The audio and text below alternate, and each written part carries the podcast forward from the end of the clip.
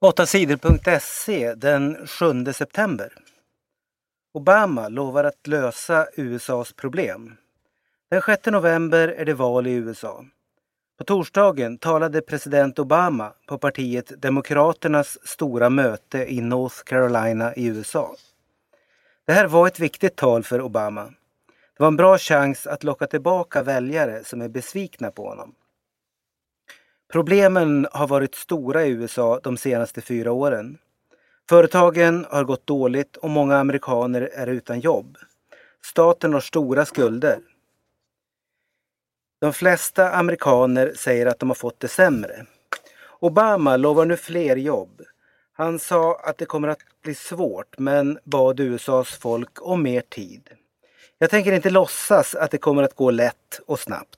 Det kommer att ta några år att lösa USAs problem, sa Obama.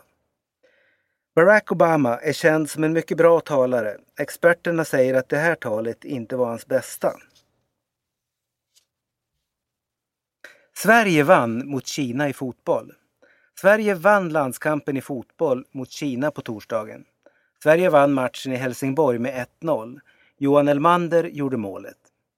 Sverige visade inte upp något mästarspel men laget hade inga problem att försvara sig när Kina försökte anfalla. Sveriges anfallsspel var inte bra. Killarna missade för många målchanser. Zlatan spelade bara första halvleken. Han hade ett skott i stolpen och några lysande passningar till lagkompisarna. På tisdag nästa vecka börjar VM-kvalet i fotboll. Sverige möter Kazakstan i den första matchen. Det är en match som Sverige måste vinna. Hallströms film kan få tävla i Hollywood. Den svenske regissören Lasse Hallströms film Hypnotisören kan få chansen att få tävla om världens finaste filmpris, Oscar. Hypnotisören är det svenska bidraget till tävlingen. Det har en svensk jury bestämt. Nu ska en amerikansk jury bestämma om filmen får vara med i tävlingen. Den sjuke pojken får stanna. 15-årige Ali från landet Afghanistan skulle utvisas till Italien.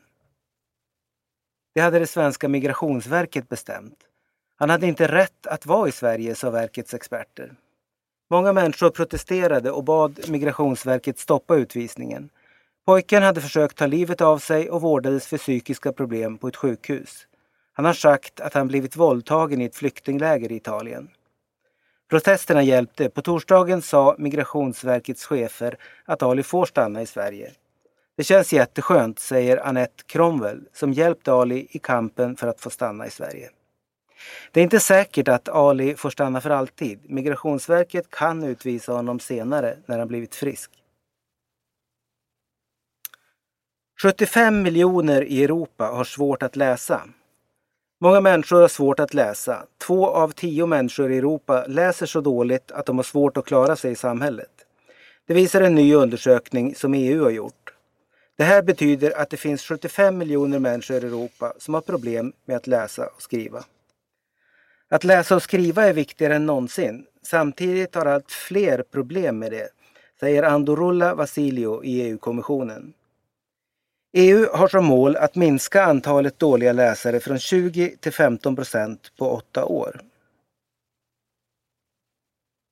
Kvinna tvingades flytta. En kvinna satte gång på gång upp lappar i sin trappuppgång. Hon skrev otrevliga saker till sina grannar. Kvinnan är lätt utvecklingsstörd och har autism. Bostadsföretaget tvingade henne till slut att flytta från sin lägenhet. Hon blev vräkt. Nu har det varit rättegång om saken. Domstolen Svea hovrätt säger att företaget gjorde rätt som tvingade henne att flytta. Tre döda av virus i Kalifornien. Människor som besökt naturområdet Yosemite i USA har blivit smittade av ett farligt virus. Hantavirus heter det. Nu har tre av de som smittats dött. Myndigheterna i Kalifornien varnar människor som besökt Yosemite under sommaren. Om de känner sig dåliga måste de åka till sjukhus för att få vård. Hantaviruset är riktigt farligt. Mer än en tredjedel av de som smittas dör. Viruset sprids bland smådjur till andra djur och människor. Många hemlösa efter oväder i Afrika. Det har varit oväder i landet Burkina Faso i västra Afrika. Det har regnat mycket och blåst hårda vindar. Många hus har blivit förstörda. Minst 18 människor har dött men experterna tror att dödssiffran kan stiga. Fler än 20 000 människor har fått sina hem förstörda av ovädret.